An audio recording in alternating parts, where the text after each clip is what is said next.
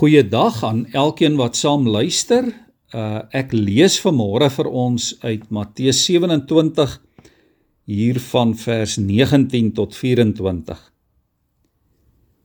Terwyl Pilatus op die regbank sit, het sy vrou vir hom 'n boodskap gestuur.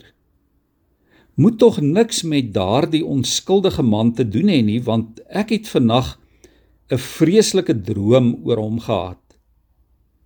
Intussen het die priesterhoofde en die familiehoofde die mense oorgehaal om vir Barabbas vrylating te vra en vir Jesus die dood.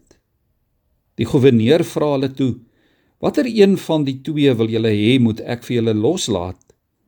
"Barabbas," antwoord hulle. Pilatus sê toe vir hulle: "Wat moet ek dan doen met Jesus wat Christus genoem word? Kruisig hom." Skree hulle almal.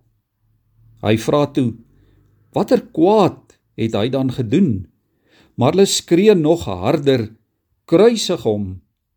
Toe Pilate sien dit help niks nie en dat daar eerder 'n oproer kom, het hy water gevat en daar voor die skare sy hande gewas en gesê: "Ek is onskuldig aan die bloed van hierdie man.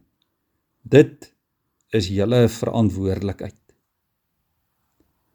Liewe vriende, hierdie toneel waar Pilatus sy hande so in onskuld was, daar voor die skare mense.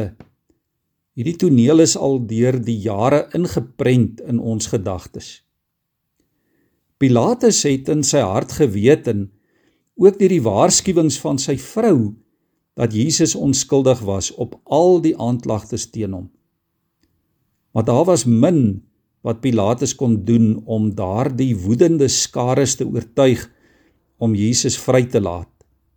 Hy het probeer en hy het weer probeer en uiteindelik het hy toegegee aan hulle eise. Maar nie sonder om ook te probeer om homself te verontskuldig nie. Pilatus was so 'n invloedryke man. Hy was in 'n invloedryke posisie. Pilatus het geweet dat as hy sou standpunt inneem en sy voet neersit en die regte ding doen, dan sou dit sy magsposisie in 'n in gedrang bring. En daarom kies Pilatus die roete van die minste weerstand en die minste teenkanting.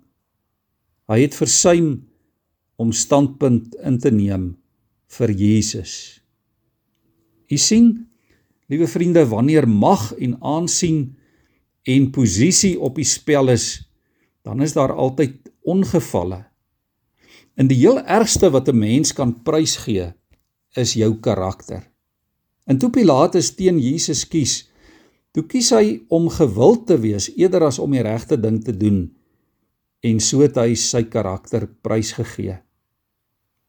Daar is geleenthede en plekke en tye ook in jou en in my lewe wanneer ons standpunt moet inneem vir die Here. Soms is dit direk en openlik en ander kere is dit indirek en nie noodwendig so op die voorgrond nie.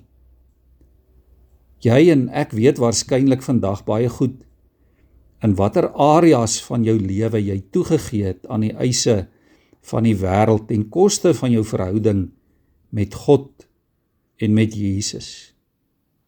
Die oplossing is nie om 'n draadsitter te wees nie, maar om 'n keuse te maak Mag die Here vir jou en vir my deur sy genade dan help om reg te kies.